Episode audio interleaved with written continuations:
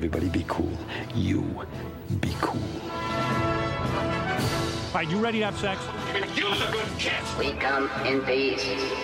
We come in peace. You are the motherfucking Antichrist! We're gonna let you go, okay? Ok. Film er best på radio. I'm gonna make him an offer he can't refuse. Nova Noir.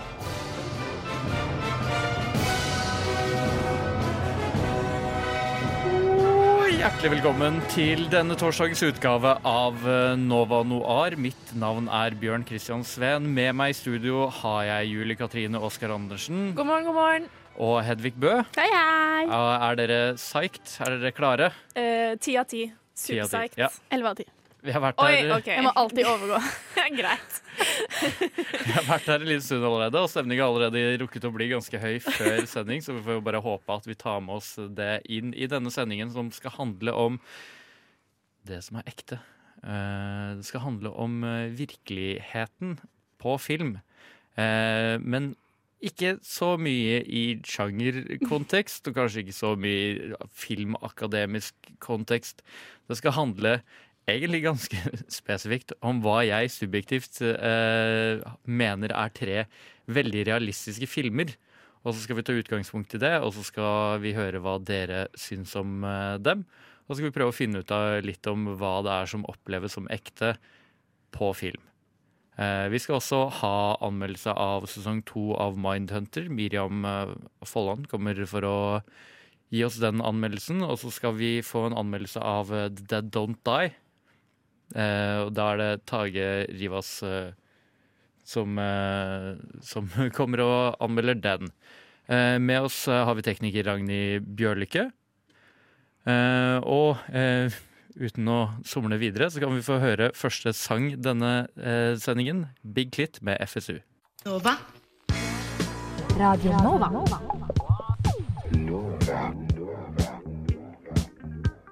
Du hører på Radio Nova. DAB, nettspiller og mobil. Ja, Big Clit med FSU eh, der. Og eh, vi skal snakke om realisme på film i dag. Men først skal vi snakke om eh, hva vi har sett siden sist. Og du, Hedvig Bø, kan få begynne med å fortelle hva du har sett siden sist. Ja, jeg så for ikke så lenge siden så, så jeg en sånn Netflix-film som heter Someone Great. Som har ligget sånn øverst, og det er sikkert mange som har hørt om den. Og det er hun, nå har jeg ikke sjekka hva hun heter for noe, men hun fra Jane the Virgin. Og er det der hvor det er uh, tre bestevenner, og så Ja. er uh, Og så har hun blir eh, dumpa, blitt og så- dumpa, og så følger vi den gjennom en kveld i New York. Hvor de liksom skal leve livet en siste gang før hun flytter til San Francisco. Og den syns jeg er veldig, veldig Jeg, jeg ble overraska over hvor mye jeg likte den, faktisk. Men det er en ting som jeg tenkte å si som jeg syns er litt sånn spesielt, eller som jeg syns er litt irriterende, som jeg syns sånne moderne gåseøyne filmer, hippe filmer gjør for tida, er at alle skal liksom casual røyke pott. Ja, det, det er så, mye det er bare sånn vi bare.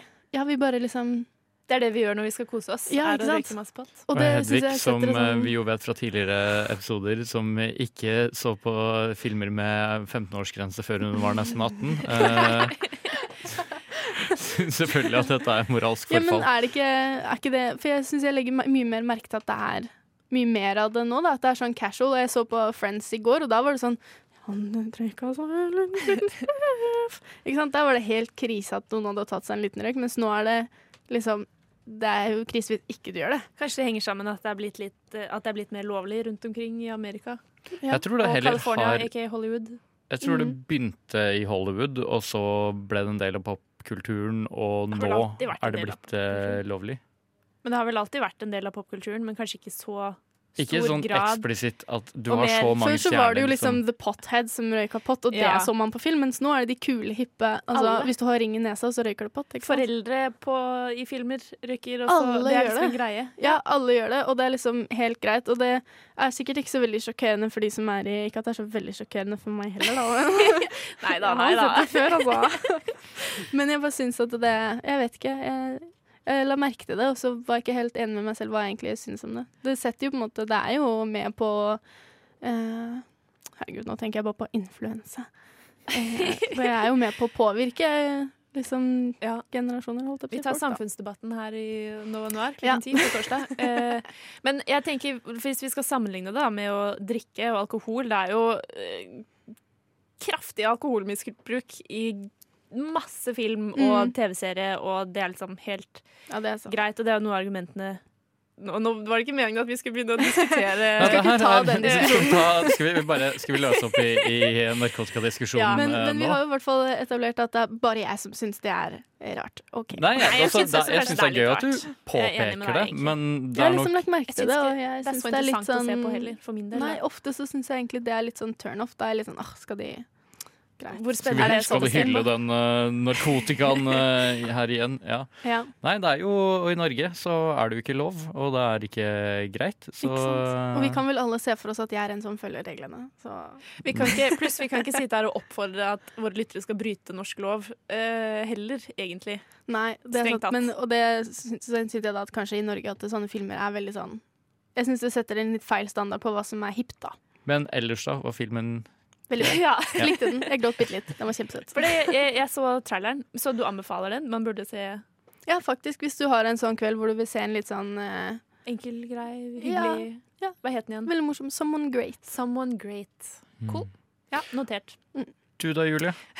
Nei, jeg vil ikke egentlig snakke om det. det er litt flaut. Jeg var inne på det forrige torsdag da jeg også satt her. Uh, og nei, nå har jeg jo sett Doctor Who, da. For første gang. Sesong to til fire. Klappe, klappe, klappe. klappe, klappe. Eh, så ja. Men hvorfor er det så flaut? Ja, Nei, bare det fordi- flaut? Det var uh, det, det er så sykt. Jeg sa det forrige uke òg, sånn Tumblr 2013, og drive og Uh, like Doctor Who, føler jeg. Men Nei. samtidig, nå skjønner jeg greia. Uh, jeg skjønte ikke Jeg har sånn gått lenge og bare Nei, det er så teit. Herregud, kan ikke se på det. Fy faen, sånn nerd. Men jeg vet ikke hvorfor det satt så langt inne for meg å innrømme. Jeg er jo en kjempestor nerd. Jeg skjønner ikke hvorfor det var så Nei, vanskelig jeg, jeg å innrømme. skjønner egentlig. eh, Jeg tror det er eh, fordi jeg hadde akkurat den samme approachen til det. Jeg begynte jo å trass-se på det for å kunne poengtere at det var så dumt som eh, jeg trodde det var. Og så fant Ja. du ut at det er jo genialt. Det er ganske I hvert fall David Tennant-sesongene. Ja. er veldig eh, Om ikke bare for han er alene. Men, eh, altså. Men også bare sånn som med James Bond, det geniale faktum at du kan bare bytte ut. bytte ut skuespiller. Mm. Og- forever running show, liksom. Noe av, det beste, noe av det beste jeg vet, uh, er sci-fi. Check. Sant? Uh, og dystopier ofte. Uh, check. Og i hvert fall når du har uh, sånne episoder som bare er enkeltstående Adventure Planet-episoder. Typ Du går et sted, så har du et eventyr, og så er du ferdig med det, og så går du tilbake til et nytt eventyr i neste episode. Jeg så syns fant ut at det det, formatet er skikkelig gøy. den er så mye mer enn Nettopp. det. Når David Nettopp. Tennant kommer inn, og litt sånn utover i sesongene med David Tennant, så er det så heartbreaking and heartwarming. Riktig. De var ikke redd for å gå emosjonelle steder, og det kan jeg alltid sette på. Men det er altså uh, Doctor Who er eh, Altså 75% av grunnen til at det er bra, er fordi det faktisk er laga på en kul måte i de Mm. sesongene. De siste 25% er liksom ren David Tennant. Det er kanskje Det er til og med så mye som 40 Ja, jeg vil påstå. Selv når du nesten ser- 50 for min del, men selv, selv, sure. ja, selv når du ser videre, uh, og det fortsatt holder seg sånn noenlunde, så føler jeg det fortsatt er at uh, spøkelset til David Tennant fortsatt lever uh, i Ja. det. Han er den beste doktoren som noen gang har fantes, og hvis noen vil kverulere på det, så kan de møte meg etterpå klokka tolv utafor. Nei, eh, vi kan møte dem sammen i så fall, Ja. fordi eh, det slåss jeg for. Det er helt Mm. greit. Hvis Men du det som er helt krise, er jo at det ikke ligger på Netflix lenger. I know. Men jeg fant ut, at kan, de har det på biblioteket, så du kan låne dem på DVD på biblioteket. oh. Jeg fant ut det litt sent, at jeg har lidd meg gjennom masse dårlige streaming-sider i noen uker nå. Men eh, det er mitt tips, altså. Mm. Ja. Hva har du sett da? Jeg var på kino på Imax eh, med VIP-seter, og så eh, Once Upon a Time in Hollywood eh, i går. Så det var eh, en skikkelig dyr, men også veldig kul og behagelig kinotur. Det er varmere i setet der, men Mm. hvis du sitter på den varmeste varmen der, så svir den av deg rygghåra hvis du har eh, de. Så Så eh, litt advarsel. Vær litt forsiktig med den eh, setevarmen på Og Vipps-setene Og Også vær litt forsiktig med å bruke den der vippe... Du kan jo stille på ryggen. Ja, det er det forsiktig med å bruke den i stille deler av filmen. Ja! Det er sykt irriterende for de sitter rundt. Plutselig sitter, er det setet som knitrer, du bare 'Det var ikke meg, det var stolen'. Du hører bare- Ja, fordi det, jeg, jeg elsket filmen. Jeg syns det var dritbra. Uh, top notch på alle måter. Uh, ja, det, var, det bare var dritkult. Men fordi de som satt ved siden av meg, eh, de virket veldig hyggelige, sympatiske mennesker. Men de var jo på date, og hun oh. ene snakket litt mye, litt høyt, litt ofte om eh, hvor overrasket hun var over allting som eh, skjedde. Det var sånn Tilsynelatende så hadde hun sett Quentin Tarantino-filmer før, men trodde på en måte fortsatt at det skulle være en ren dokumentarisk eh, film. Så hun ble jo veldig overrasket når ting ikke gikk akkurat som eh, i eh, selve historien. Eh, og det, det er Jeg var veldig oppslukt, men rakk fortsatt liksom å bruke kanskje 5 av følelsene mine på å sitte og altså være irritert. Uh, Kino er risky business. Ja. Det er, og i hvert fall når du betaler så mye for å dra og se en film, og så sitte på VIP-plassen i tillegg, og så eh, sitter noen ved siden av og ødelegger. Det er ikke greit. Nei.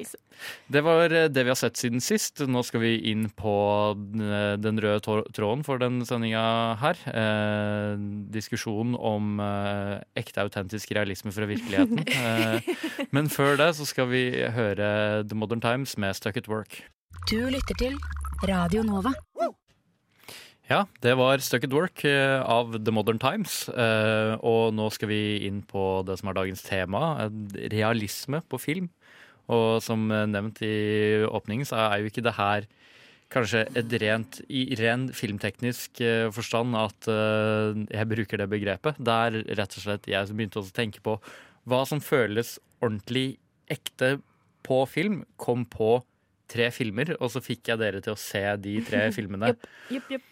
Men eh, hva er liksom de innledende tankene deres om, eh, om hva realisme egentlig dreier seg om? Eh, jeg tenker først og fremst hvor mye man kan som publikum kjenne seg igjen i det som skjer på filmen. Og det er ikke nødvendigvis setting som alltid har noe å si for den opplevelsen. Da. At man kan jo helt fint klare å, klare å leve seg inn i noen som ikke ser ut som deg, som bor på et annet sted, kanskje på en annen tid.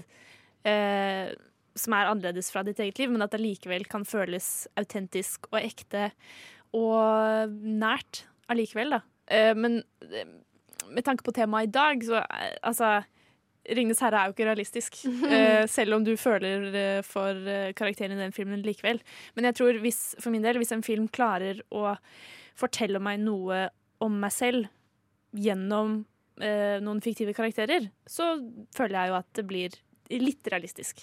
Eller at det føles autentisk, i hvert fall. Fordi noe av grunnen til at jeg, at jeg har lyst til å ta opp det her, og så gjøre en sånn liten analyse av det i den sendinga her, er fordi at jeg er dritlei filmer som liksom påberoper seg realisme, sånn basert på virkelige hendelser, eh, biopics, eh, movies, som ofte er de mest liksom oppfunnede, ihjelskrevne, ihjelklippede filmene som du kan oppdrive. Men vi snakka jo litt eh, om det som du sier, når du, når du liksom får påpekt at den er basert på virkelighet. Det er jo på en måte da du først begynner å leite etter feil. Også at du leter hele tiden etter hva som da gjør den mindre realistisk. Og de har også tatt hopp for å på en måte få historien til å gå opp i en film, da. Som Mm. gjør at den faktisk kanskje er lenger fra virkeligheten enn det det føles ut som når du ser en oppdiktet historie som fremlegges som om det er liksom den ekte verden. Jeg tenker også at uh, mye av fella til uh, biopics er jo at man eh, presenterer et litt for polert bilde av personen man skal fortelle om.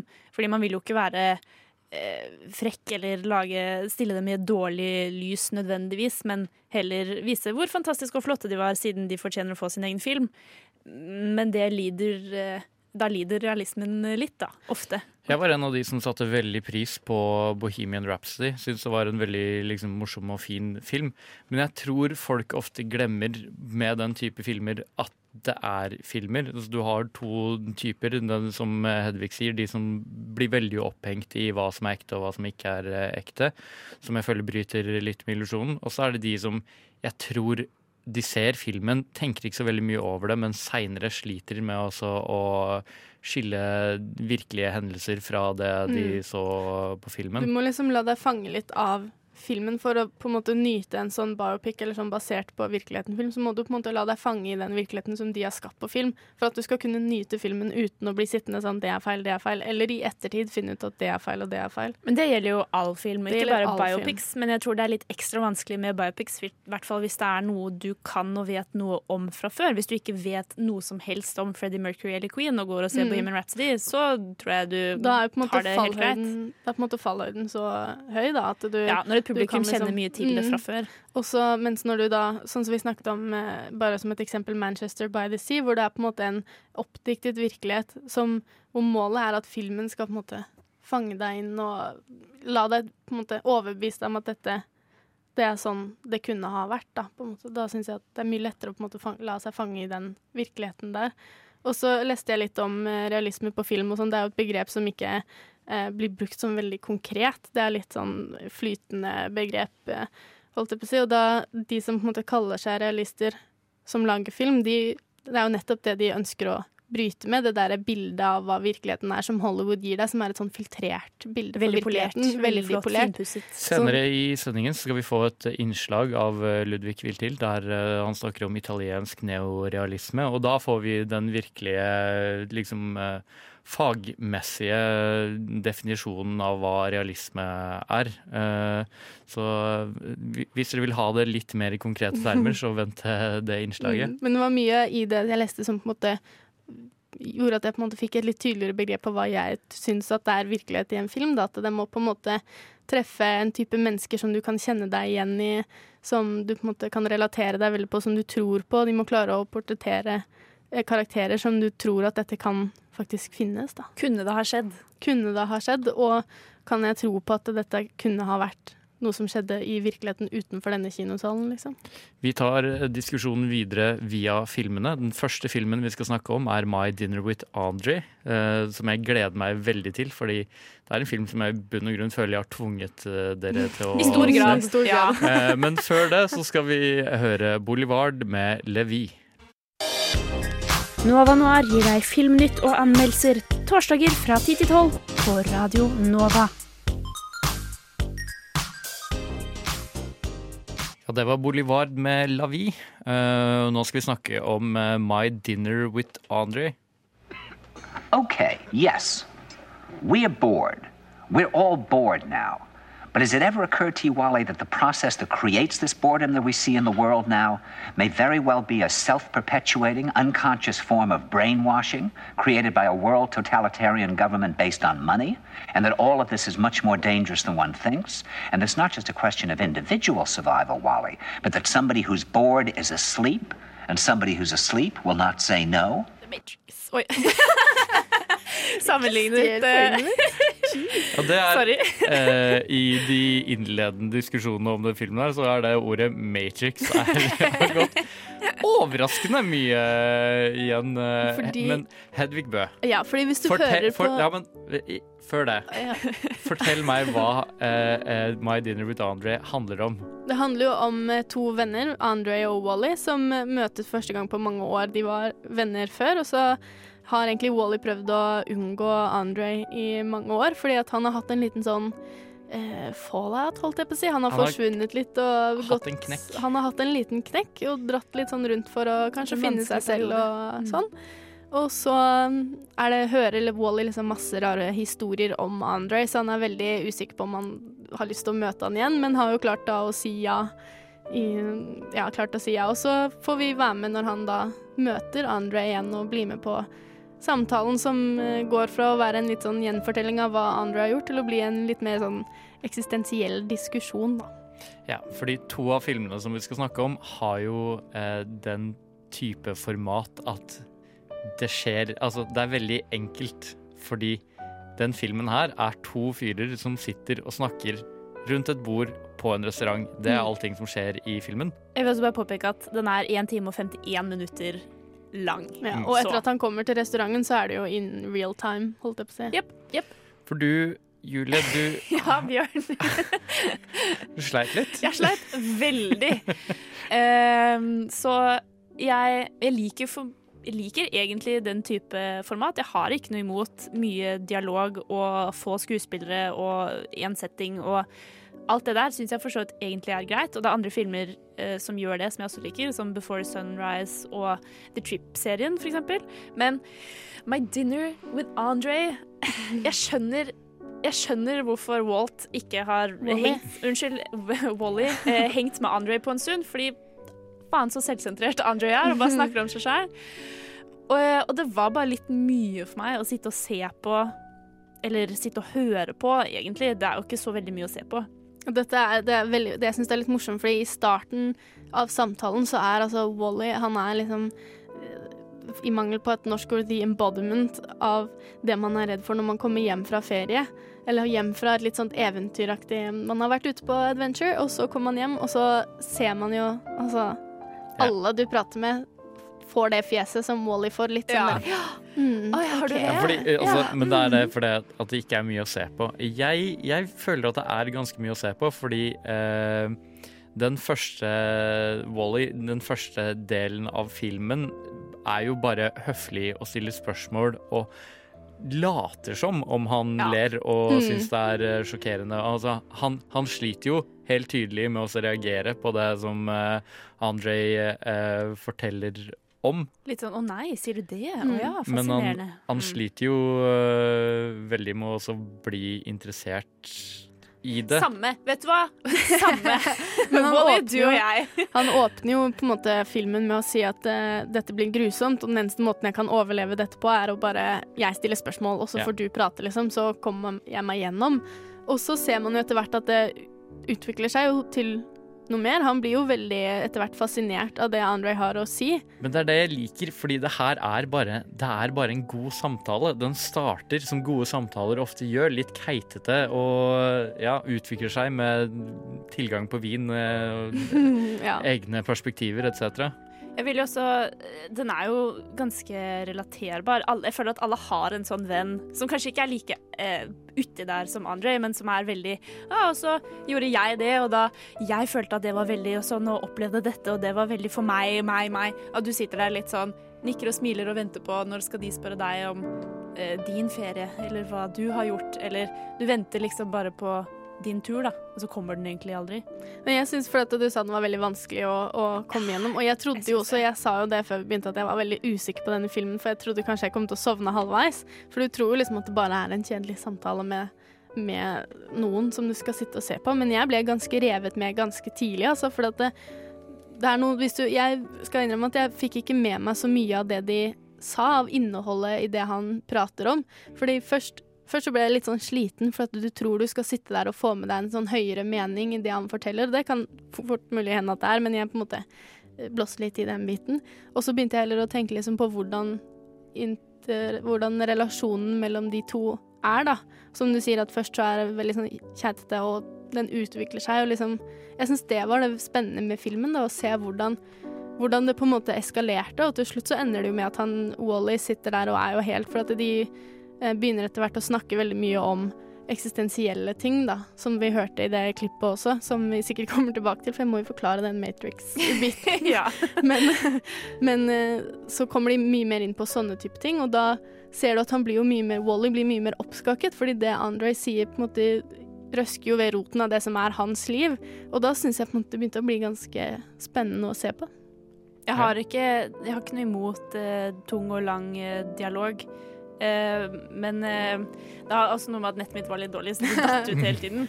Eh, så det var liksom en prosess. Og jeg hadde Nei, det gjør jo ikke det. Og så var jeg egentlig ganske nysgjerrig på den filmen, for den blir jo referert generelt ellers i popkultur som en sånn eh, filmviterfilm. Det er jo en kritisk høyt Riktig. elsket Den har eh, 91 film. på Rotten Tomatoes, tror Det er jo ganske Mm. sjukt, da.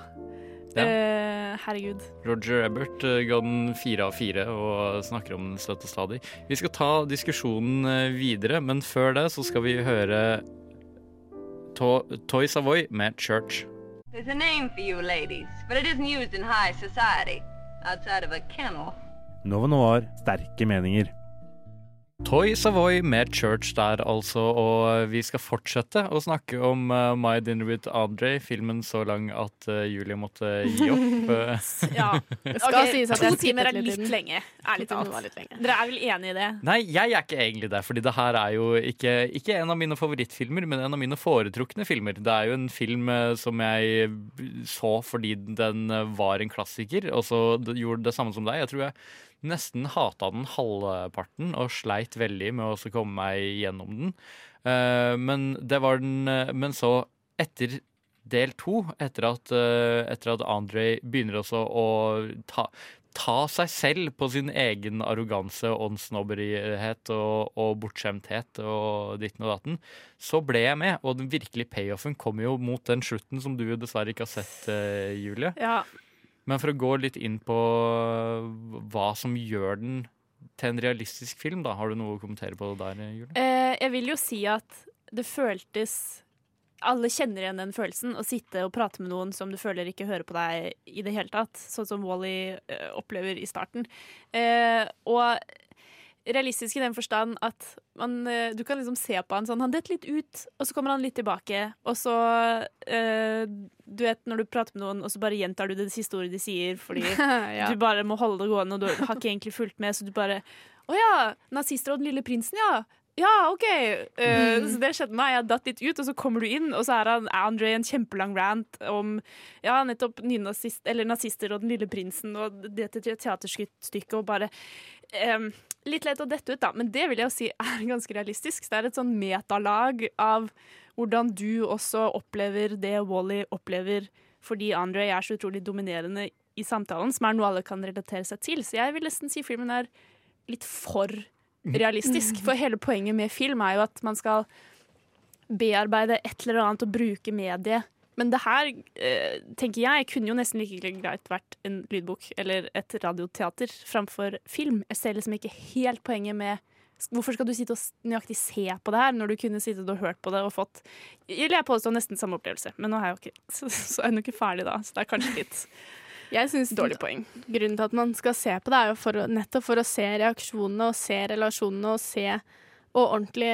føle. For jeg tror det hadde vært vanskelig å høre på Wally hvordan han liksom opplever det i starten. Ja, det er godt og det er vanskelig å, å se og få liksom ordentlig følelsen av hvor engasjert André er når han forteller om det han har opplevd. Og sånn apropos meta også, så kommer det jo til den andre delen hvor de kommer i den litt mer eksistensielle diskusjonen, hvor de prater også om hva virkelighet er, da. Og det er jo på en måte kanskje det filmer, realistiske filmer på en måte skal prøve å fortelle deg litt sånn hva virkeligheten egentlig er. Den er ikke sånn som du ser på annen film og sånn som du tror. Det er, det er noe annet, da. For meg så er det en film som hovedsakelig liksom fungerer på tre nivåer. Det er det at det er en, en film om en god samtale i seg sjøl, synes jeg er såpass sjarmerende at den har meg egentlig der. Og så er det opplevelsen av samtalen, som er liksom nivå nummer to, som jeg, jeg føler er der du trenger det visuelle inntrykket, og det at det er på en restaurant, og at kelnere kommer og avbryter, og alt eh, det der. Og så på det tredje nivået så er det de tingene som de faktisk snakker om. Det er veldig lett å bli engasjert. Ja. Nei, det er jo, Jo. ikke det! Jeg blir veldig Du, du med Matrix-teorien din, Hedvig. Ja, jeg så jo okay, bare ja, La oss ta den Matrix. La oss ta det nå. Fordi som dere kanskje Nå har dere jo kanskje glemt det, men i det forrige klippet så forteller han det at eh, hvis Har du noen gang tenkt på at eh, at eh, alle sover, og at de som sover, ikke kan si nei, og at det er noe som er gjort av liksom en sånn større drifter, altså de som er redd for at det er liksom en sånn større person som sitter oppe og styrer hele jorda. Jeg snakker ikke om Gud, men liksom en sånn mm, ekte person, holdt jeg på å si, som da Ja, kapitalismen Ja, sitter og yes. og trekker i trådene til vi blir viljefullt uh, åndsløse, og det er jo Mm, den og den der at de sover, så de kan ikke si nei. Og da ble jeg sånn, herregud, det er jo Matrix. For da der sover de jo. Er, de sitter i, de er i The Matrix, sitter på restaurant og diskuterer noe de ikke helt får tak på. Og de kan ikke si nei, og det er jo det som er hele Matrix, at de lever der, for at da kan de ikke våkne opp og finne ut av hvordan de egentlig har det, og så jobbe imot maskinene, ikke sant? Hadde jeg hatt den vinklingen da jeg gikk inn i filmen på starten, kanskje det hadde fått et annet utfall. Jo, men det, er, men det er en film som du kan se om igjen, og det de snakker om, vil eh, ha forskjellige betydninger eh, for deg. Jeg tenkte ikke det samme om det de sa. Fordi det som har skjedd liksom i mellomtiden mellom første gang jeg så den og jeg så den nå, er jo at jeg har studert tre år med estetikk, så det er eh, enkelte av de tingene de snakker om, har jo en helt ny betydning for meg. Første gang jeg så den, så syntes jeg det bare var morsomt å sitte og se på de her åndsnobbene og kulturpampene sitte og diskutere det. Og nå er jeg sånn der Nei, jeg har et veldig konkret punkt mot det du sier der. Du skulle gjerne vært på middag med Andre. Veldig gjerne. Ja. Men tilbake til det, hva som jeg syns gjør eh, filmen virkelig, er også det aspektet at du det er en, syns jeg, blir etter hvert en så gripende samtale, og du ser liksom hvordan de oppfører seg og reagerer på det. Og for meg, en sånn Jeg kan jo også finne meg selv av og til i sånne eksistensielle diskusjoner, og det er jo Du har liksom vært med på hele praten, og når han forlater restauranten på slutten av filmen, så forlater jo du også restauranten sammen med han, og sitter igjen med de samme kanskje tankene hvis du har hørt ordentlig etter, at du kanskje også filosoferer og drodler på de samme eh, samtalene og poengene etterpå. Og det syns jeg er noe som på en måte du tar med deg virkeligheten fra filmen inn i din egen virkelighet, og det syns jeg på en måte kanskje Absolutt. absolutt gjør filmen eh, til realisme, da. Det syns jeg var veldig fint eh, oppsummert, eh, egentlig. Enig. Ja. Uh, da var vi så å si ferdig med My Dinner with Andre. Nå skal vi høre Sticky Icky Confession, og så etter det så skal vi få anmeldelse av The Dead Don't Die.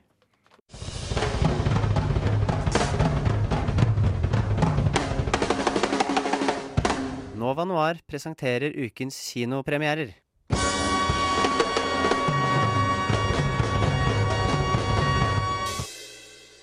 Eh, nå skal vi få ukas første kinoanmeldelse. Og med oss i studio har vi fått eh, Tage Rira, Rivas eh, Tollesen. Eh, Hei, hei. Hei sann. Eh, eh, og du har sett The Dead Don't Die. The Dead Don't Die. Det er en, en zombiefilm laget av Jim Jarmusch. Og jeg har lyst til å stille ett spørsmål før vi går i gang her. Fordi at jeg tenker at alle har stilt seg spørsmålet hva hvis Wes Anderson eller kanskje Nick, eh, Christopher Nolan, en sånn type regissør som har veldig sånn egen stil, lager f.eks. en skrekkfilm, hva hadde det blitt? Og jeg føler at nå har vi et slags eksempel her ute med The Dead Don't Die. Som eh, handler om eh, en liten by som heter Centerville i USA, hvor to politimenn spilt av Bill Murray og Adam Driver de trusler rundt og løser små small town cases. Men så plutselig en dag, av eh, giftige gasser på månen, så begynner de døde å rise from the grave. In this peaceful town, on these quiet streets, something terrifying, something horrifying is coming. Excuse me, we're closed.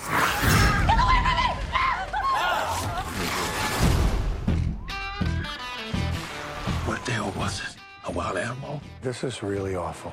Maybe the worst thing I've ever seen. What was it, wild animals? So, what are you thinking? I'm thinking zombies. Og det er det. Og det er det, det. det er. Og eh, jeg vil påpeke med en gang at det i en, i en zombiefilm, og det å referere det til de levende døende som zombier, det skjer jo ikke. For det er jo ikke det Du skal alltid late som om det er eh, Litt aldri ja. konsept. Mm, Walkers eller et eller annet sånt. der, gjennomtenkt. Noe Oh. sånt. Men uh, det gir deg et pekepinn på at denne filmen er veldig selvbevisst og veldig meta. Og uh, jeg syns det um, funka veldig bra til tider. Kanskje ikke alltid, men jeg syns det er en veldig morsom film. Det vil jeg si med en gang. Jeg storkoste meg, jeg humra. Um, det er best når Bill Murray og Adam Driver er på skjermen, som på en måte spiller hovedrollene, men det er en sånn ensemble-cast-type film hvor eh, det er utrolig mange flinke skuespillere med. Vi har f.eks. Tilda Swinton, som spiller en uh, sånn begravelsesagent. sånn som liksom, Jeg vet ikke hva det heter, de som pynter de før de skal begravlegges og sånne ting. Ja. på engelsk. Hun spiller en uh, veldig rar person som har sånn skotsk aksent og går rundt med samuraisverd etter hvert. Og uh, vi har Selena Gomez er med, og det er veldig mange Nesten alle, alle karakterene er veldig kjente skuespillere. Um, og humoren er veldig sånn typisk Jim Jarmusch. Jeg vet ikke om dere har sett noe særlig av hans filmer? Uh, det ristes på hodet. Hva med deg, Bjørn? Jeg er ikke helt sikker.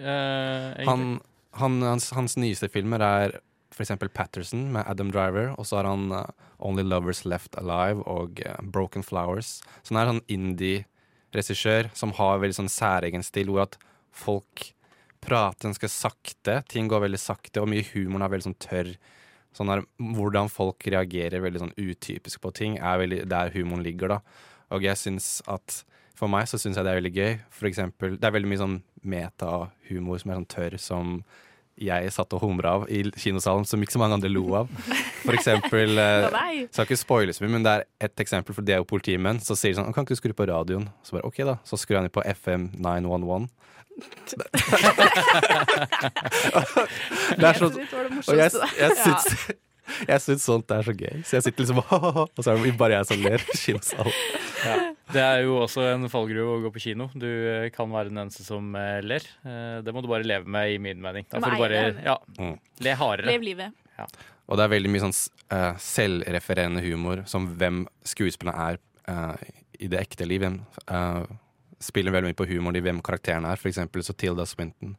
Det er jo et rart navn, Tilda, og så heter hun Selda i, film, i den filmen her. Så er det sånn What can I name is Selda? Og så er det Det er veldig, veldig mye sånn type humor, så jeg, jeg syns det er veldig gøy. Um, det er jo en zombiefilm.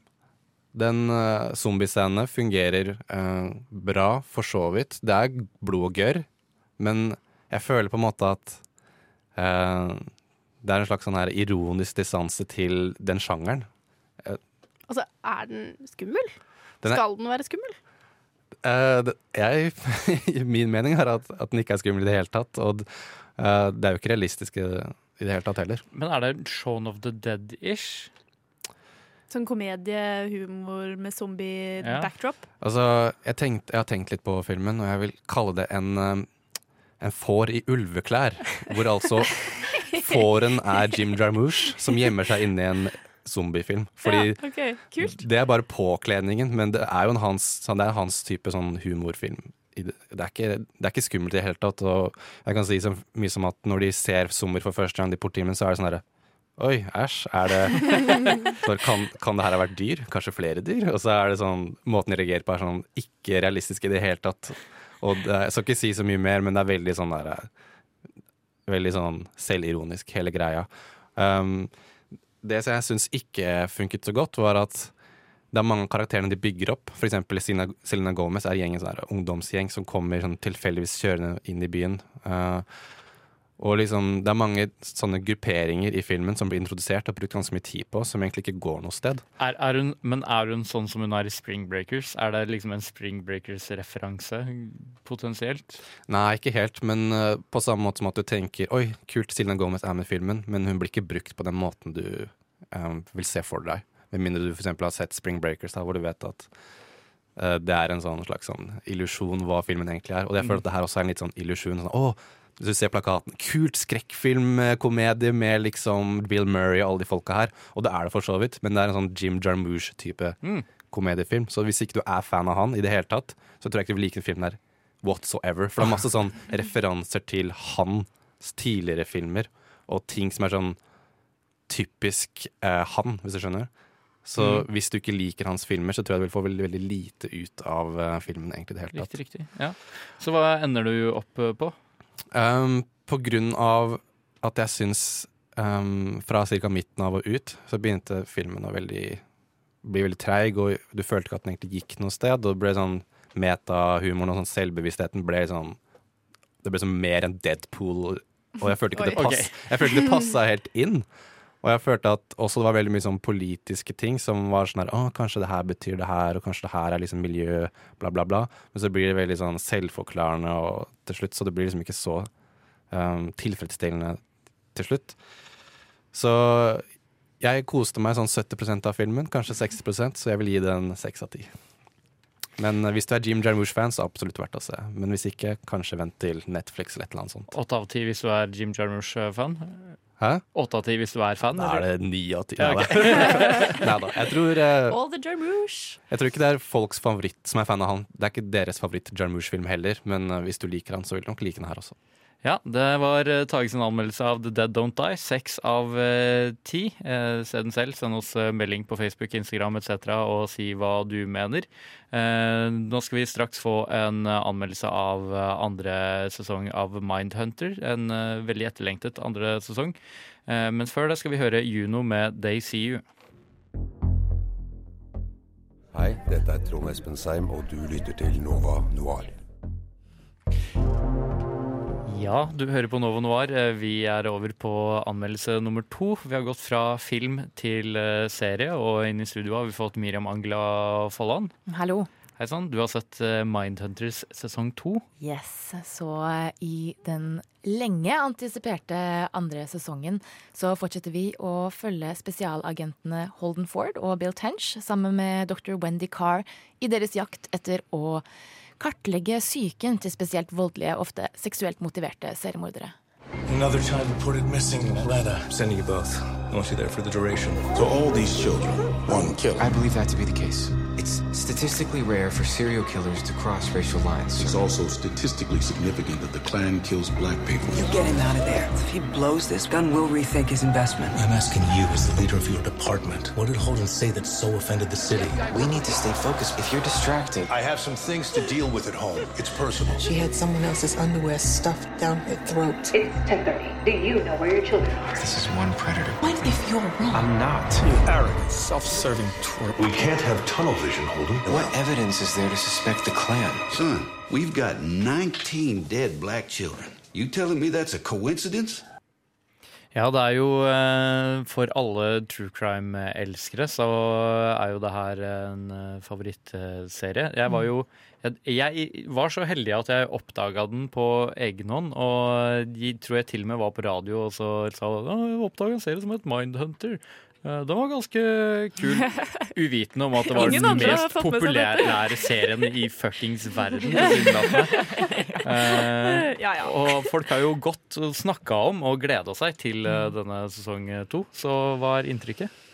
Inntrykket er at den holder seg veldig godt. Um, det de gjør veldig mye i sesong én, er jo at de baserer seg på sånne intervjuer av, av ekte seriemordere. Og de karakterene er liksom basert på de ekte seriemorderne og av ekte opptak fra de. Så det interessante i sesong én er på en måte den mm, de intervjuene og den hvor vi får liksom innblikk i psyken til eh, seriemordere. Og så i sesong to så gjør de fortsatt mye av det samme, men også at de tar det et steg videre, da. Hvor, uh, som i traileren som vi hørte i traileren her nå, at de tar for seg denne saken om The Atlanta Murders, som var en stor sak mellom 1979 og 1981, hvor ekstremt mange unge, svarte, hovedsakelig gutter, men også noen jenter, eh, ble tatt egentlig fra åpen gate midt på dagen eh, og drept. Og så man, eh, hørte vi også litt om den politiske situasjonen, og hvordan det er en spenning mellom at mange mener at det er vil på en måte legge skylden på KKK, mens eh, Holden og Bill eller spesielt Holden, da, er veldig på at eh, nei, dette er en seriemorder, og mest sannsynlig er han svart. Så det blir en del eh, spenning der, og det er kanskje det som gjør denne sesongen at denne sesongen på en måte går et nivå opp. da, At den tar alle de Um, alt det de lærte i sesong én, og med å intervjue disse seriemorderne, og så får de sett det i praksis med denne saken, da. Og det er veldig kult. Hvordan syns du de har ført eh, historien videre fra sesong én, og hvordan er det forskjellig eller likt? Sånn med tanke på Inntrykket mitt er at sesong én handler mer om eh, prosessen og det å lære av eh, psykopater, men i sesong to virker det som om det handler litt mer om saker. Og sånn. At det ble litt sånn eh, Criminal Minds hvis Criminal Minds hadde vært bra. Uh, ish. Eh, nei, som sagt så uh, fortsetter de jo på en måte den greia fra før av. De intervjuer nye seriemordere, som blant annet David Berkowitz, også kjent som Son of Sam, eller The 44 Caliber Killer. Uh, vi får også gjensyn med Ed Kemper, The! Co-Ed Killer. Ja. Eh, og også, jeg vet ikke, nei jeg kan ikke spoile det, men det er en annen uh, kjent seriemorder som kommer inn, som også er ganske interessant på en måte. Holden Ford er han fortsatt kontinuerlig ved sammenbruddens, eh, ved sammenbruddets rand, eh, sånn som han, jeg følte han var halve første sesong? Ja, det er en del av denne sesongen. For han, eh, siste sesong, forrige sesong, spoiler, det er ikke så spoiler, ender med at han har et angstanfall. Så det blir på en måte en ganske stor del av, eller en liten del da, en del, ikke stor, ikke liten, en del av sesong to at uh, Holden sliter med angst da. Ja, for jeg kan ofte synes det er litt slitsomt når man holder, den der, eh, holder på den for lenge. At uh, hovedpersonen har bare personlige problemer hele tiden. Mm. Gjerne løse det opp og så gå på med nytt mot, så kan du heller knekke dem igjen seinere. Liksom. Så jeg har vært litt redd for at det skal bli eh, litt mye sadness jerk-off i sesong to også. Det syns jeg ikke det blir. Nei. Nei. en annen ting er jo at denne serien er jo som kjent produsert og delvis regissert av David Fincher, som er eh, på en måte seriemorder... Eh, Geni? Nei. Han er i hvert fall veldig interessert i seriemordere. En av og- våre beste seriemordere. Nei, nei. men har regissert kanskje tidenes to beste seriemorderfilmer. Mm. Altså Seven og Zodiac. Mm. Så det er tydelig at dette er et tema som fascinerer han, og man ser det veldig i altså han, den Serien bærer veldig preg av hans eh, enorme fokus på detaljer. Og på en måte stilistisk renhet, da, hvis jeg kan si det. Jeg følte basert på promoer at det virka som den kanskje har fått litt uppa budsjett. Er det noen liksom, kvalitetsforskjeller eh, i den nye sesongen, eller holder den seg ganske, ganske lik i stil som eh, første sesong? Jeg syns den holder seg ganske likt. Mm. Nå er det, Jeg tror den første sesongen kom ut for sånn to år siden, nesten to år siden, så Mm. jeg husker ikke så godt. Men det var ikke noe jeg la merke til. Eh, Jeg la i hvert fall bare merke til at den var veldig eh, visuelt mm, Ja, veldig elegant, da. Ja. Og det syns jeg det samme gjaldt for forrige sesong. Noe stort som trekker serien ned? Um, det er jo kanskje det at den derre sjargongen med eh, Bill og, og Holden blir litt sånn gammel, kanskje. Ja, mm. At uh, Holden er litt sånn, sånn intuitiv og eh, på en måte uh, Hva heter det? Uh, Impulsiv og- impulsiv ja. og, følger magefølelsen. Ja. Og er litt sånn Du må roe deg ned, Holden. Den kanskje blir litt gammel, syns jeg. Og i tillegg så eh, Når de intervjuer folk, så er det hele tiden den derre De møter en ny eh, seriemorder. Og han vil ikke snakke fordi han er eh, tøff seriemorder. Og så klarer de å pushe akkurat de riktige knappene, og så åpner han seg som en foss. Ja. Eh, kanskje begynner det å bli litt sånn Det er veldig fett å se på, men når man begynner å forvente at det skjer, så blir liksom spenningen litt Blir borte. det da. litt CSI-ete i lengden, eh, Ja, kanskje? kanskje litt. Men Ja. så er det jo basert på ekte taper, da, så jeg vet ikke. Ja, nei. Så alt i alt, hva ender du på? Alt jeg også ender opp med på en eh, åtte av ti for Mindhunter. Oi, sesong såpass, ja. to. Mm. Ja. Den er eh, knall. Ja, Strålende. Da er det bare å slenge opp Netflixen og sette seg ned for å binge Mindhunters sesong eh, to. Takk til Miriam Angla Folland for anmeldelsen. Åtte av ti der. Nå skal vi høre boka med Need Your Love. Du lytter til Radio Nova.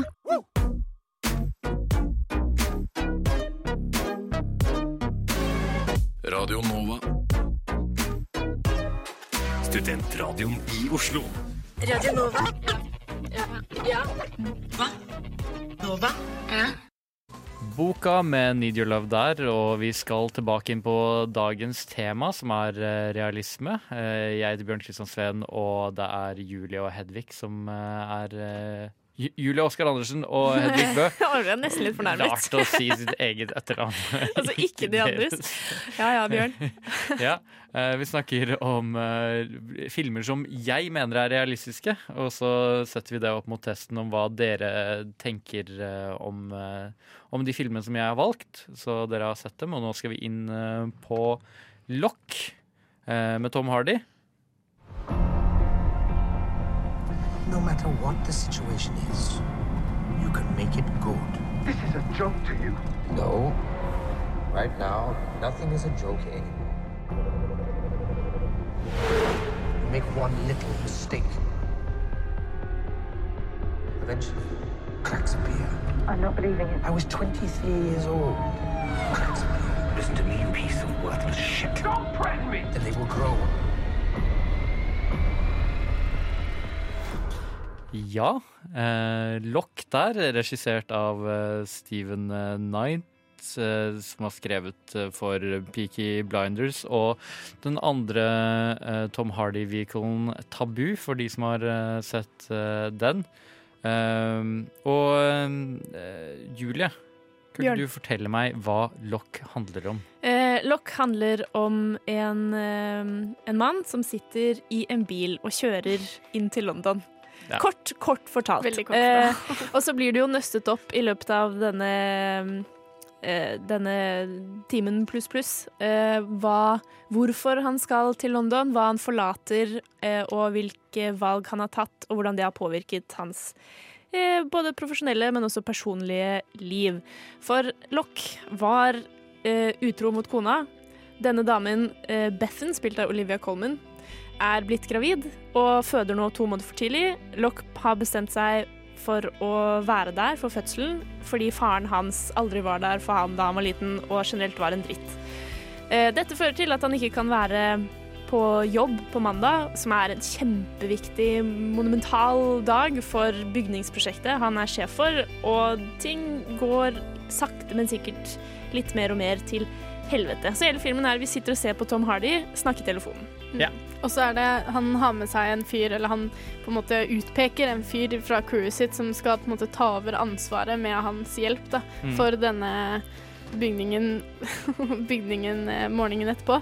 Og, som ikke burde hatt ansvaret. Som kanskje ikke burde hatt ansvaret, men, men um, Så vi hører jo hele tiden telefonsamtaler mellom disse to, mellom da Donald og det er jo spilt av um, Andrew Scott. Andrew Scott, som Ja. jeg i hvert fall kjenner best som Jim Moriarty. Ja, fra og han Sherlock. har jo en fantastisk stemme. Han er jo konge Men det er hele, hele filmen er eh, fantastiske stemmer. Uh, Tom Holland er eh, også med, som sønnen til uh, Ivan uh, Lock, og det er, det er jo gøy. Mm. Uh, og det er jo noen år siden uh, filmen kom ut. Den kom ut i 2013, så uh, de har jo liksom sånn reist seg til stjernene i tiden uh, siden, føler jeg. Uh, Olivia Colman vant jo eh, Oscar relativt nylig og sånne ting. Så ja, nei, jeg, jeg bare digger den filmen. Jeg digger formatet. Jeg liker den der det er mørkt og sitter i bilen og snakker i telefonen og livet ramler fra hverandre-stilen. For det kan man jo kanskje påpeke at dette er Dette er faktisk bare et entagning, et liksom setting Det er bare Ivan Lock i bilen vi ser. Og mm, det er mange som tror at den vi snakket om i sted, 'Dinner with Andre', også er en one take-film, men den er faktisk spilt inn over flere måneder, hvor de har gjort mange forskjellige tagninger, og det er liksom perfekt klippet og Mm. sånne ting. Så det er faktisk liksom ikke én tagning, selv om det kan virke sånn, mens denne filmen er faktisk én tagning. Og det er jo helt insane, og vi følger jo da bilturen fra Birmingham til London in real time, liksom. Og det syns jeg er veldig Fordi en av de tingene som jeg virkelig liker med den filmen her, er jo karakteren Ivan Lock, og deriblant så syns jeg han har en fantastisk stemme og aksent. Eh, så var du framme og så ymta på Hedvig at eh, Altså, etter Når du har Altså, en welsh aksent er ikke alltid pent i utgangspunktet. Og så skal han legge til litt sånn lys, kontrollert Og han er jo stakkars i en stressa situasjon, så den, jeg er med på den at da blir man litt anstrengt i stemmen, liksom. Men det, jeg blei så lei at jeg bare Jeg klarte ikke åh. Det føltes kanskje litt påtatt til tider. Ja, det men- føltes veldig påtatt til tider. Og på noen steder så legger han seg liksom ned litt sånn tone og blir sånn veldig tydelig og rolig. Og da høres han jo ut som Hannibal Lekter. Så da sitter du bare der sånn Prøver Jo, han å være jo, crazy? Hva er han greia? er jo ikke en eh, Det, det det er jo bra. sånn som når i den sekvensen når han snakker med Donald, for han skal Then, you, then you've got to run. Run, Donald. Run, Donald. Så Sånn, have you lost your mind? Sånn, yes, tonight I, have, uh, tonight I am crazy. Det, så, så det Ja. glipper jo helt for den der. Han sitter jo og snakker med den døde faren sin og Ja. full pakke. Den- Men ja, jeg syns det er fantastisk. Jeg elsker å høre på det. Han går jo så inn i, eh, inn i karakteren med fullt hud og alle hår. Ja. Jeg vil si den er mer eh, dramatisk enn My Dinner with Andre på mange måter. Eh, selv om det bare er én person på skjermen hele tiden. Eh, men på, du, du, han slåss litt mot klokka, da, for han må rekke fram før denne babyen blir født. Eh, han møtte henne, Bethen, Bethan, én gang. Det var, ikke, det var bare én feil, som han sier til kona, eh, men hun eh, Så man sitter jo hele tiden i spenning og lurer på hvordan kommer det til å gå med kona. Nå, først lurer du på om han kommer til å si hvorfor han drar, og man skjønner ikke hvorfor han sitter i bilen. Så kommer det frem. Så skjønner du at å nei, det betyr at han fucka opp på jobb og må fikse det mens han kjører der, mens han samtidig må ta telefonen fra legen som vil snakke med han hele tiden, og de presser han på eh, ja, er du partneren hennes? Du kommer, ikke sant? Du er på vei. Dette er barnet ditt. Han, ja, han repeterer bare 'jeg er faren, jeg er på vei'. Mens hun er kjempestressa og bekymret og trenger noen til å være der for henne, men det er jo ikke derfor han drar, Nei. egentlig. Mm, og det, jeg syns Selv om denne på en måte egentlig det skjer, Egentlig så skjer det jo mindre i denne filmen enn i My Dinner with Andre, utrolig nok, men samtidig så skjer det mye mer Det er mye mer handling som utspiller seg på skjermen likevel i disse her telefonsamtalene. Så selv om selve på en måte bildet er litt sånn Det er veldig vakkert å se på ofte, med litt sånn b-roll fra scenery og sånne ting rundt, så er det jo veldig pent, men det er liksom mer handling. Sånn at det, jeg føler at det der så skjer det handlingen liksom utspiller seg på, på Det som på en måte trekker deg inn, det utspiller seg på skjermen, på, i filmen, mens i My Dinner with Andre så er det jo bildene du skaper inni ditt eget hode, akkurat som når du leser en bok, da, at du er med i den samtalen, og at det er på en måte der spenningen ligger i My Dinner with Andre. Da. Det er ting som har skjedd, som de snakker om, men her skjer det her og nå. Mm, og den klarer jo i kanskje litt større grad å faktisk dra deg inn og gjøre det spennende og Jeg vil si det. I stor grad, ja. For, for min var del, da. Men, en og en eh, halv time gikk liksom, eller en time 40 minutter eller noe sånt, Nå gikk jo overraskende fort, da. Ja, jeg trodde jeg kanskje skulle slite litt med den her eh, også, men eh, overraskende ikke. Koste meg faktisk. Du blir veldig dratt med, for det, den har jo liksom likevel kurve som, som gjør at du har lyst til å vite hvordan dette går, da. Og så Mm. blir du jo veldig investert i hans ønske om å naile alle prosjektene sine. Men jeg, det bare, jeg forstår så godt. Her, du har tatt et valg, og du har bestemt deg for å være der for denne damen og for dette barnet, og du vet at eh, kona er sint på deg, og du burde være på jobben, og du prøver å fikse det, men det er Jeg føler at alle kan kjenne seg igjen i å ha driti på draget og gjort noe feil, og så kan du ikke nødvendigvis fikse det. Og så syns jeg det er veldig forståelig hva grunnen er til det, da. Ja, det er jeg likte, likte Lock veldig godt. Jeg føler at den skiller seg litt fra ganske mange filmer med at eh, det er et uh, veldig, veldig positivt mann, uh, mannlig ideal i den filmen, sånn sett bort fra utroskapen. Men så er det jo også det med utroskapen at han, han prøver ikke å forsvare utroskapen. Altså Annet enn å bare sånn si at hun er ikke noen trussel for deg, så er jo den hele den greia med at han egentlig lå med henne fordi eh, han syns synd på henne, er jo noe han bare sier til seg sjøl og til den eh, imaginære faren sin. Men eh, vi skal fortsette å snakke om eh, Lock, men før det skal vi høre Doja Cat med So High. Det tenkte jeg faktisk på at det er viktig å ha en liten psykisk lidelse. Eller en rar sykdom, da. Er egentlig en ganske dårlig person, men så ser du at hun har jo vært gjennom så mye. Hvit mann i en maktposisjon. Ja. Eller ei jødisk bestemor som har overlevd holocaust. Basert på ekte hendelser. Nova Noir. Vi vet å sette pris på gode karakterer. Herregud, jeg griner allerede. Det her er jo så vakkert. Nei, man må grine for at det skal være en Oscar. Oscar ja. verdig. Gjerne flere ganger. Ja. Doja Cat med So High der. Uh, vi snakker om uh, filmen Lock, og nå skal vi gå litt mer inn uh, på å prøve å finne ut om den er, som jeg mener, en veldig realistisk film. Og Julie, har du noen tanker? Og mange tanker, mange følelser. Det du sa før sangen, var jo det hvordan mannsbildet blir portrettert i denne filmen, og hvordan Lock gjør alt han kan for å ikke være faren sin ved å ta ansvar for feilen han gjorde, og eh, i hans eh, siden gjøre det som er rett, da, og fikse det. Eh, og som at han velger å si til jobben hvorfor han drar. Han lyver ikke, sier ikke at han er syk eller skadet, eller sånn. Sier at 'jeg har tatt en beslutning', kanskje jeg får sparken, men sånn er det faktisk. Jeg prøver å fikse det sånn at det går bra likevel, men jeg forstår hvorfor det er sånn. Men han prøver jo å Mest overfor seg selv, da, vil jeg si. Det henger jo ganske tett sammen. Hvis han klarer å fikse dette med jobben, så klarer han sikkert å fikse det med kona også. Han snakker jo om hvordan det blir sprekker i fundamentet bare hvis du gjør én liten feil. feil. Eh, som da var å ligge med en annen dame fordi han syntes litt synd på henne fordi hun var trist. Ja. Men eh, eh, prøver jo å minimere det litt. Mest for seg selv. Og Ja. sier sånn Men hva er det prakt neste praktiske steget? I'd like to talk about practical Ja. next, Fy jeg ble så irritert. Jeg var sånn, du og dine praktiske steg, det hjelper ikke noe. Det er, Men men han er en sånn derre veldig sånn Det hjelper ikke noe-type fyr, da. Det er sånn derre Ja, jeg fucka opp. Jeg, jeg skal ordne det. Jeg skal gjøre alt jeg kan, alt som står i min makt for å ordne det. Alt du trenger å vite, er liksom sånn Hva kan jeg gjøre for å prøve å ordne det? Men han gjør det jo også bare for seg selv, og det syns jeg kommer Jeg syns egentlig han er veldig egoistisk, for at eh, han gjør det jo kun for sin egen selvfølelse og sin egen overbevisning, og for å på en måte kunne få bli værende eh, mann med gåseøyne i sine egne øyne. Sånn som Det syns jeg blir veldig tydelig når han får sparken, men ha, sier at 'jeg har bestemt meg for at denne bygningen ikke skal krasje', liksom. Mm. Og det alle andre er sånn Du har egentlig fått sparken, så du kan egentlig bare Nå tar vi over ansvaret, liksom. Og så står du uten eh, folk, liksom. Men Ja, det, det blir jo nevnt flere ganger at det å få inn en ny formann, eh, en ung jypling som det gjerne blir omtalt, antageligvis er en veldig dårlig idé, og at Lock er jo helt sinnssykt god på det han eh, driver med. Han er, som han rådmannen sier, han er den eneste som har sendt inn papirene i forkant av fristen. man heier, jo, man heier jo veldig på lokk.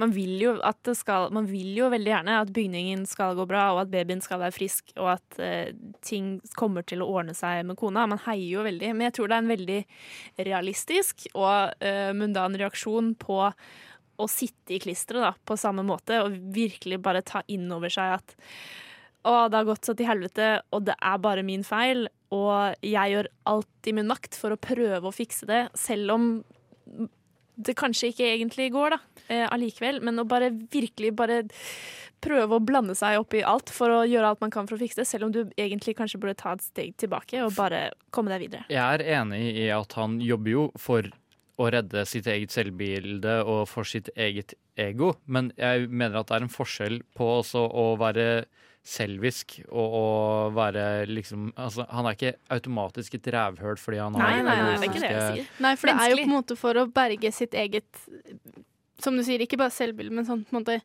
bilde av hvem du er som person. Da. Han berger jo og prøver jo liksom bevise for seg selv og alle andre at jeg, jeg er en god mann. Ja, og han har jo det bildet av altså, Ja, og det er jo akkurat det. Egoet hans er basert på at han er en god mann. Han skal egentlig være en uh, god mann.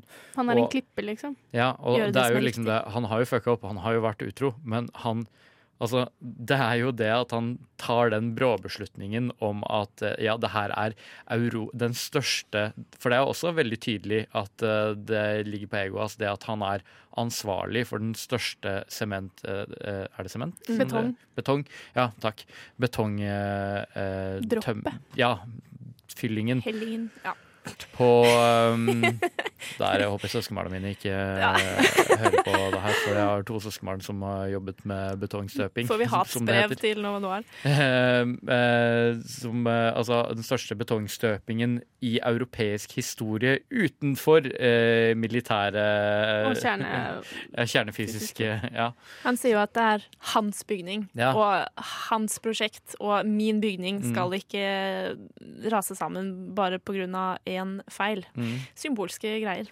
Men jeg syns egentlig sånn, Jeg syns denne filmen eh, prøvde mye mer å fremstå som realistisk i måten den er filma på. Det stemmer litt også med det som på en måte, realistene prøver med sine filmer, å lage de litt mer sånn avantgarde, og at de skal bryte litt mer med Hollywood-normen, da, som med dette one take, og at det er i Vi følger han i bilen, liksom. Det er en litt utradisjonell form, men likevel så syns jeg ikke kanskje denne treffer meg som sånn megarealistisk. Altså det er realistisk at situasjonen er realistisk, liksom. Men det er ikke sånn at jeg går ut fra eh, kinosalen og føler at det på en måte Jeg føler ikke at det har en relasjon til virkeligheten utenfor. Fordi at når jeg ser My Dinner with Andre, så, så, så fikk jeg en helt annen følelse av, hva, av at det var virkelighet.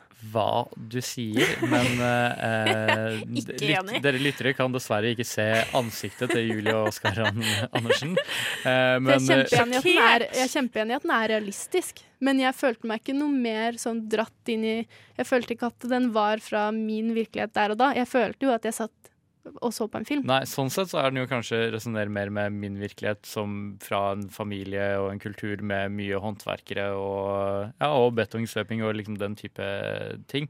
Ja, men jeg tror for at jeg, jeg, jeg tror ikke det, det er ikke liksom situasjonen eller noe sånt, det er ikke liksom innholdet for meg her som, gjør, som ikke gjør den realistisk. For at innholdet er veldig realistisk, og jeg tror på det, og jeg er helt med på at den er fra virkeligheten og sånne ting.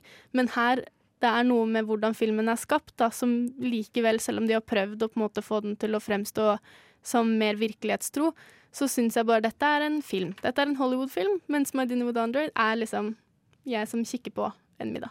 Har det, tror du det har noe å si med eh, kamerabruk, og at de valgte Tom Hardy, som er en ganske stort fjes? Og, Det er det jeg tror. Ja. Det er det jeg, Jeg- tror at du setter liksom Dette er en skuespiller. Jeg syns, eh, jeg synes de er ja, veldig forskjellige i form og struktur, men for min del så syns jeg det var mer nærgående og derav mer realistisk, fordi det fortalte meg mer om eh, karakteren jeg satt og så på, eh, fikk et litt dypere innblikk. Og Mm. kanskje fordi det hadde en litt klarere dramaturgi enn det My Dinner with Andre har. Men det er jo da det kommer inn spørsmål liksom, hva, hva er realistisk for deg? Hva er det som riktig. definerer at dette er en realistisk film? Liksom? For jeg, som jeg, sier, jeg er helt enig med deg at det, situasjonen, innholdet, er kjemperealistisk. Altså, hvis det er realistisk og Star Wars ikke er realistisk, da, hvis du skjønner hva jeg mener. Mens, mens My Dinner with Andre liksom går mer inn i kroppen og blir med deg ut, og du liksom Ja, det er ikke Nei, jeg syns Ja, ikke det. jeg i vet ikke om det er Jeg altså, Jeg kan på en måte er skjønne, fordi altså, uh, Lock er kanskje litt mer polert. Ja, kanskje. Ja. Ja, absolutt. Eh, og det er litt mer designet for at du skal føle spesifikke ting på spesifikke steder, og det er kanskje ja. ikke My Dinner with Andre. Den er liksom sånn som jeg snakka om tidligere, at dette er på en måte virkeligheten gjennom det litt sånn filtrerte Hollywood-blikket, selv om det er en mye liksom er jo veldig interessant basert på nettopp det du sa om at My Dinner with Andre er spilt inn over liksom, uker og måneder, eh, scene for scene, jævlklippa og regissert egentlig, men fortsatt framstår som om det har liksom en mer Det er den alle tror at eh, det er mye ja, mer ja, enn samtale. Jeg, jeg så det, det var liksom eh, Jeg tror det var Ebert som kommenterte på det til meg, at det var liksom flere kritikere som hadde skrevet at eh, det utspilte seg i real time, noe den absolutt ikke ikke. gjør. Den Eh, er jo, som du sier, regissert. Altså hvert blikk, hver bevegelse, hver vinkling er jo kjempeplanlagt. Og så er- ja. er det jo det at de starter eh, filmen liksom tydelig i primetimen på eh, restaurantdriften eh, der. Og når filmen er ferdig, selv om den tar eh, en time og 51 minutter. Ja. 1 time og 51 minutter. Så er det jo, når de er ferdig med samtalen, så har jo alle gått, og de driver og, Og de stenger. sier jo at de har sittet der i hours. Ja, ja, ja. Så, så ja. Bryter med illusjonen, hæ? Urealistisk. Men det sier jo noe om det at det er veldig det For meg, da, i hvert fall, så er det for at det skal på en måte eh, stemme med at det er så For at det skal treffe meg som veldig realistisk, ikke bare en film. Fordi da kunne man jo ellers sagt at eh, Manchester by the Sea og Lady Bird, alle disse er realistiske filmer.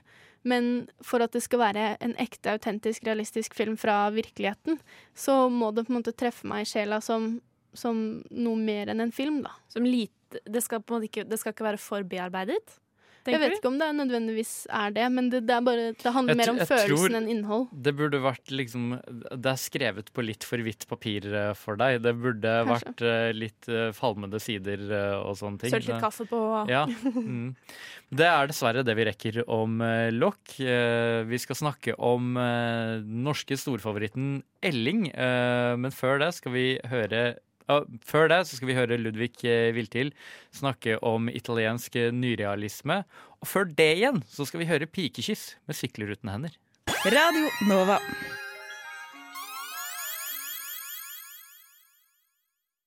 Pikekyss med sykler uten hender eh, der. Og nå skal vi få det litt akademiske alibiet. Ludvig Viltil har laget et innslag om italiensk nyrealisme. Italiensk nyrealisme var en bevegelse innen film i Italia på 1940- og 50-tallet. Nyrealismen hadde sin oppstandelse etter andre verdenskrig og var et svar på italienernes forandrede mentalitet etter krigen. Bevegelsen så etter å lage filmer som skulle skildre det italienske samfunnet slik det faktisk var, ulikt filmnormene som var etablerte. Hovedgrepene som var tatt i bruk, var annet location-filming, bruk av amatørskuespillere, inkludert folk på gata i stedet for statister, og enklere tekniske grep. Nyrealisme ble i motsetning til mange andre filmbevegelser utviklet av kunstkritikere istedenfor filmskapere. De så tiden etter fascismen og andre verdenskrig som et viktig sted å starte en fri og kritisk tid for filmskapere, som begynte å lage filmer ut ifra denne teorien. Det er arbeiderklassen og lavere middelklassen som stort sett blir skildret i nyrealismen, og handler ofte om å overkomme arbeidsløshet og fattigdom. Under fascismen var italiensk film sterkt sensurert og preget av overfladiske dramaer og komedier. Nyrealismen ble en sterk motreaksjon. Den mest profilerte filmen som ble produsert under bevegelsen, er 'Sykkeltyvene' fra 1948. Den handler om Antonio som får sykkelen sin stjålet og reisen hans for å finne den igjen. Han er avhengig av sykkelen til jobben sin som å henge opp reklameplagater.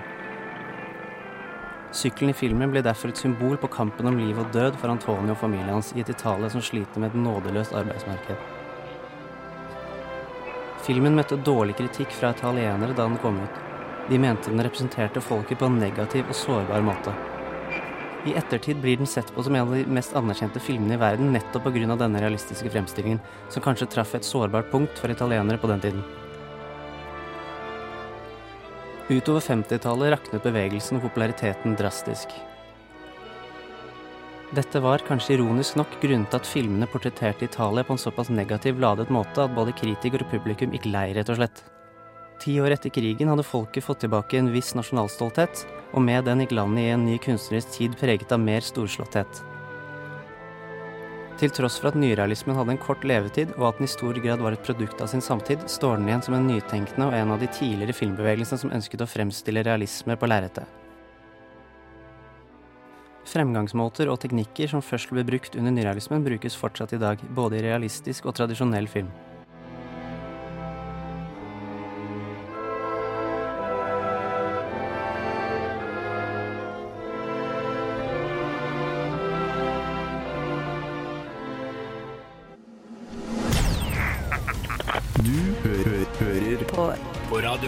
Radio Nova. N-O-V-A Nova. Listen to me.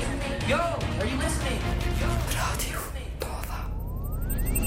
Chica Dole med You Do You. eh, og nå skal vi snakke om den norske storfilmen Elling. Om eh, to voksne, litt merkelige karer eh, som eh, skal flytte inn i en kommunal, bo kommunal, eh, kommunal bolig sammen i Oslo kommune. På Majorstua. På Majorstua. Um, og ja, det er jo sine grunner for at de skal uh, gjøre det. Filmens hovedperson, uh, Elling, spilt av Per Christian Ellefsen, uh, og med han stiller Nils i Nei, Sven Nordin. Sven Nordin, Der, ja. takk. Eh, som eh, Kjell Bjarne. Eh, litt overrasket over eh, Fordi ingen av dere hadde sett den eh, før? Nei. Eh, vi kan få på litt stemning. Du Jeg har det ikke så greit her, jeg heller. Snart 40 år, jeg har aldri pult. Og halve livet foran deg. Det veit jeg ikke noe om. Det eneste jeg veit, er at jeg har halve livet bak meg. Bor på gærnehus. Jeg har aldri pult. Ikke noe å mase med. Det er veldig oppskrytt. Oppskrytt? Er puling oppskrytt? Puling, det blir man veldig fort lei av. Kommer aldri til å bli lei av å pule. Det vet tilfeldig. Der var stemningen satt, ja. Det er så gøy at han sier 'jeg kommer aldri til å bli lei av å pule', til tross for å aldri ha gjort det. Å, Kjell Bjarne. Ja. Mm. Ja, det her er jo, Den skiller seg jo ganske greit fra formatet på de andre to, for de andre to handler jo eh, om en hendelse som foregår i løpet av noen timer.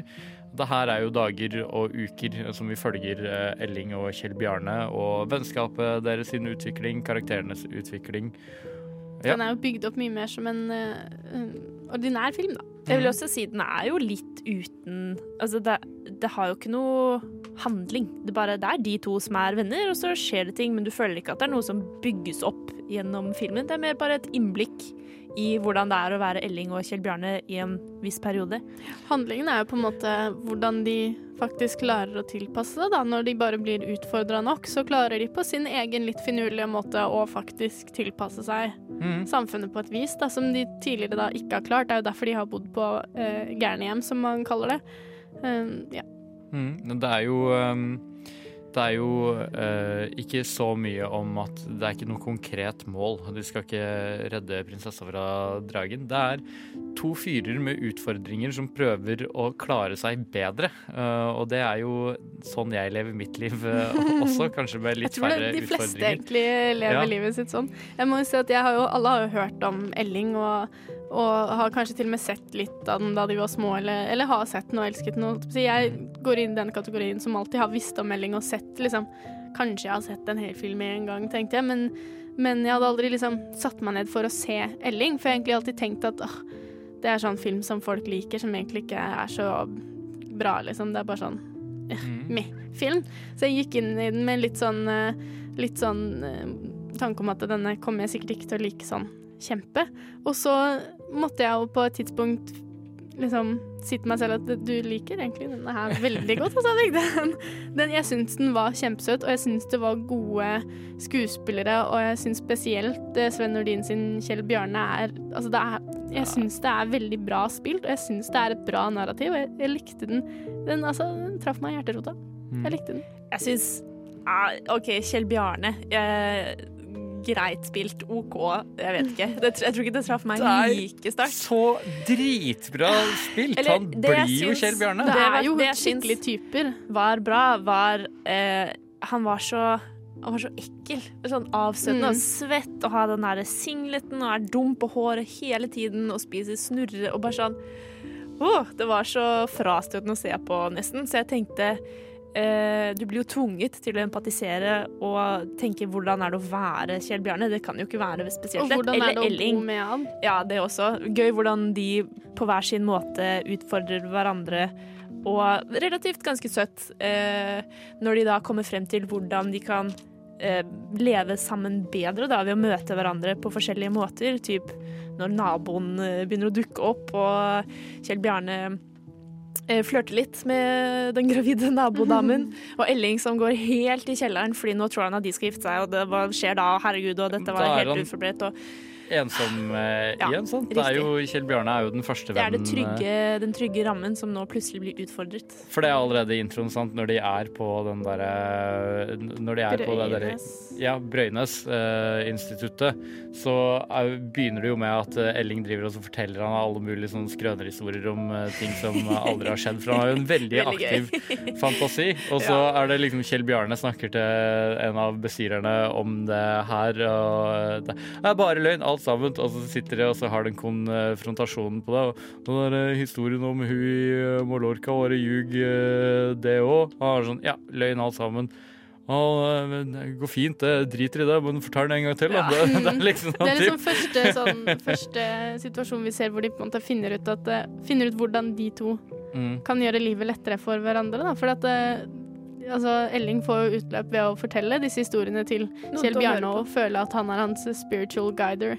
Ja. Og Kjell Bjarne får jo altså, innser jo at det, det, det er ikke så viktig at det er sant. Jeg vil bare høre historien, jeg. Nå er Så de utfyller jo hverandre på en sånn veldig mystisk, men fantastisk vis. Noe jeg også syns var ganske fint, var jo at de har jo ikke noe eh, skam over å være syke eller mentalt eh, ikke helt der hvor alle andre er, på trygd, eh, på i den situasjonen de er i. da. Det er litt som bare Nei, men det er vår virkelighet, og sånn er det. Det er ikke noe Det er skummelt altså for Elling å gå ut i butikken i starten, f.eks., men han er ikke jeg føler ikke at han skammer seg fordi han sammenligner seg med andre normalt fungerende mennesker. i anførselstegn. Og det er veldig deilig å se på, at det ikke er noe sånn 'jeg må bli frisk' fordi det er det eneste man Det man handler ikke om være. å bli Nei, normal, det handler Nei. om å fungere for seg selv. eh, Riktig. Og det syns jeg var veldig fint. Ja.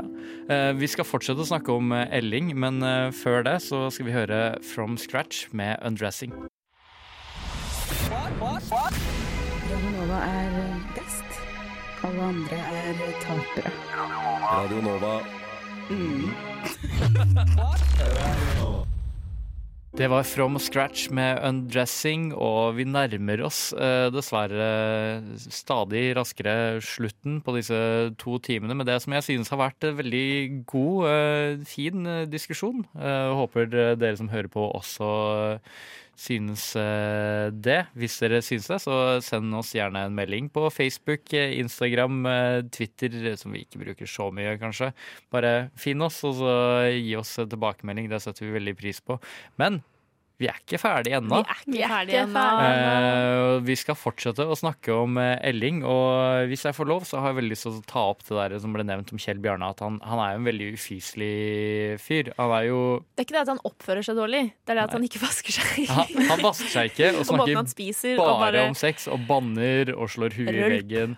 Men så er det jo, fordi jeg skrev det ned, det var et sånt sitat eh, fra filmen som jeg likte så eh, veldig godt, der når de kommer hjem til han Alfons og han har ødelagt eh, beinet.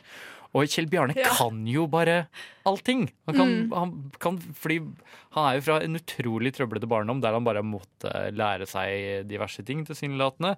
Og så Du må faen ikke gå på det beinet her. Og så løfter han eh, opp Alfons fordi han må på dass og sånne ting. Og så er det den indre monologen til Elling som er sånn her Nå bærer han igjen. Sånn er det med Kjell Bjarne.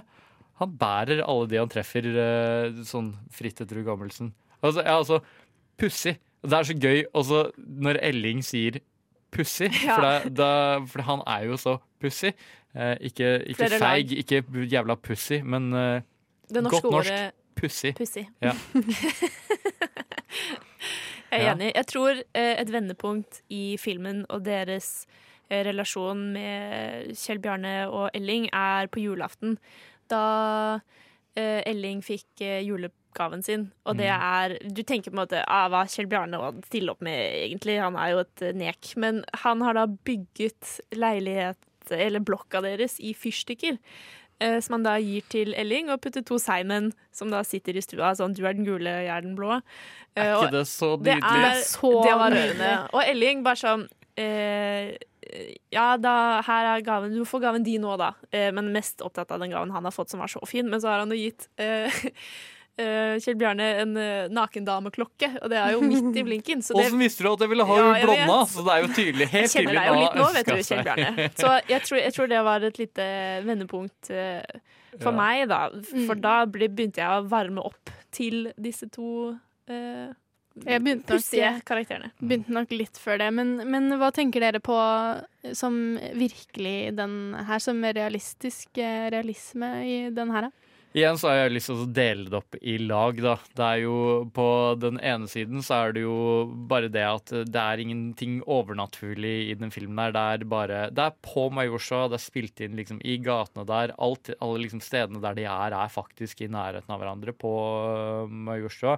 Så sånn sett så den, den delen som jeg egentlig ikke føler er så viktig når jeg snakker om realisme, men den er veldig realistisk, og handlingen utspiller seg innenfor disse realistiske termene. Men på det andre laget så er det det er bare så troverdige karakterer. Jeg kjøper eh, reaksjonene deres. Det, jeg synes ikke de, Hver eneste gang noe skjer, så har de sine reaksjoner på det, og det er det som driver plottet videre. Framfor at du har en litt sånn her, som jeg ofte føler, litt tvungen reaksjon når du har veldig utprega karakterer. Det er også denne filmen Jeg leste jo litt om på en måte, hva begrepet realisme er i, i filmverden og også i annen kultur. Og, og det er jo denne filmen på en måte som passer best innenfor den beskrivelsen. Selv om, som jeg nevnte i stad, så er dette kanskje den filmen som på en måte har mest eh, eh, typiske oppbygningen av filmer, da, sånn som vi kjenner det fra vanlig. Men eh, det tematikken at det er to stykker som står litt utenfor samfunnet, og oppheng, altså man på en måte får detaljene rundt hverdagslivet deres, da, for det er jo egentlig bare hverdagslivet dem vi følger, sånn som du sa. Og det er på en måte midt i blinken for det som er det som blir tatt opp i på en måte realisme, da, i, i det begrepet realisme. Hvis vi kan sammenligne det litt med Lock og My Dinner with Andre, så vil jeg si at Elling faller et sted i midten. For My, My Dinner with Andre, eh, når man ser på den, skal kun, som du har sagt, være et vindu som du bare sitter og observerer. Eh, og Lock er da litt mer dramaturgisk og har en handlingskurve og en spenning som du følger, mens Elling er en mellomting mellom de to. Det har ikke en veldig utpreget handling, annet enn at Kjell Bjarne og Elling sliter med sine daglige utfordringer. og det er et vindu inn i deres tilværelse. Mm, og så er liksom målet å få deg til å se verden på en litt annen måte enn det du kanskje gjør til vanlig. da. Og der syns jeg jo denne filmen egentlig faller rett eh, på Jeg føler at hvis du legger veldig godvilje til, så kan du nesten se My Dinner som Andre som en slags høykulturen og åndssnobberiets eh, Kjell Bjarne og Elling. eh. ja, jeg er med på den. Jeg er med på det. Ikke Det er, når de, det er liksom litt, noen flere år ut i tid for eh, Elling og Kjell Bjarne. Mens Frank, det er lokk. Der har vi, der har vi det var faktisk, det, det var faktisk en, en ting som jeg syns var litt sånn Det eneste som jeg ikke trodde på da, Mm. i eh, Elling, og det var eh, Jeg tror ikke noe på at en på en måte sosialarbeider er så aggressiv. Frank for Oslo kommune. Frank Åsli. Faste rammer. Her er det dere skal trenge streite avtaler og faste rammer. Og jeg Eh, syns bare han var så aggressiv i sin tilnærming Jo, jeg- av de tos tilpasning, da, at Det- det, det, trodde jeg ikke noe på. Det er nok eh, liksom, Det er jo skrevet av uh, Ambjørnsen. Og eh, jeg tror Frank har et hold i virkeligheten. At det, Du har ikke lyst til å tro at eh, sosialarbeidere er sånn, men jeg, mener, sånn, jeg tror når du jobber med vanskelige folk som har det vanskelig hele jævla tida, så må du eh, liksom Du utvikler en Men du kan være streng, men han er så aggressiv. Jeg vet, men vi, vi, Og det snakker, jeg passer veldig til om den- altså, Vi snakker jo ikke om liksom at eh, han er urealistisk fordi det er dårlig pedagogikk. En dårlig pedagog kan jo helt fint jobbe Ja, for ja, eh, ja. Oslo kommune. Ja, men det som, det som på en måte gjorde det mest uh, utrol, utrolig i ordets rette forstand uh, for meg, er jo også at denne Jeg har jo sett skuespilleren før, og jeg syns at det er en sånn typisk trekk for den skuespilleren. Og det var derfor også det på en måte bidro til at det ble sånn OK, nå har det bare Nå er det han skuespilleren sin tolkning av denne karakteren, og da trodde jeg ikke noe på Jeg er det. ikke helt enig med deg der, Julie. Jeg hadde ikke nødvendigvis samme opp eller samme relasjon til han skuespilleren som det du har, så eh, jeg tenkte eh, Jørgen da- Langhelle, forresten. Riktig. Da han eh, pratet om eh, hvordan han har ti andre pluss dere gutta, så dere må eh, levere, ellers så bærer det rett tilbake. Eh, og hvordan han pusher Elling til å trene på å snakke i telefonen og sånn. Ja, syns men jeg det er å være streng, og det er, helt, det er jeg helt med på. Det er den der når han blir så sint og aggressiv.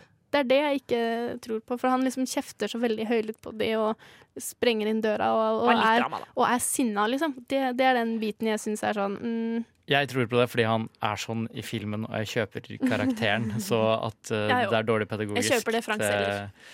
Ja. Eh, det er dessverre det vi rekker å snakke om eh, Elling. Vi kunne jo nesten uh, sitte i og fortsatt å snakke om det, føler jeg. Men eh, vi, må, eh, vi må si eh, takk for nå også. Eh, Du lytter til Radio Nova. ja. Veis ende, folkens. Jeg heter fortsatt eh, Bjørn Christian eh, Sveen. Med meg i studio har jeg hatt Julie Oskar Andersen og Hedvig Bø. Eh, tekniker har vært eh, Ragnhild Bjørlykke. Vi har eh, snakket om realistisk rea realitet på film. Hva som er virkelig ekte, autentisk etc. Sett ut ifra de tre filmene My Dinner with Andre, Lock og Elling.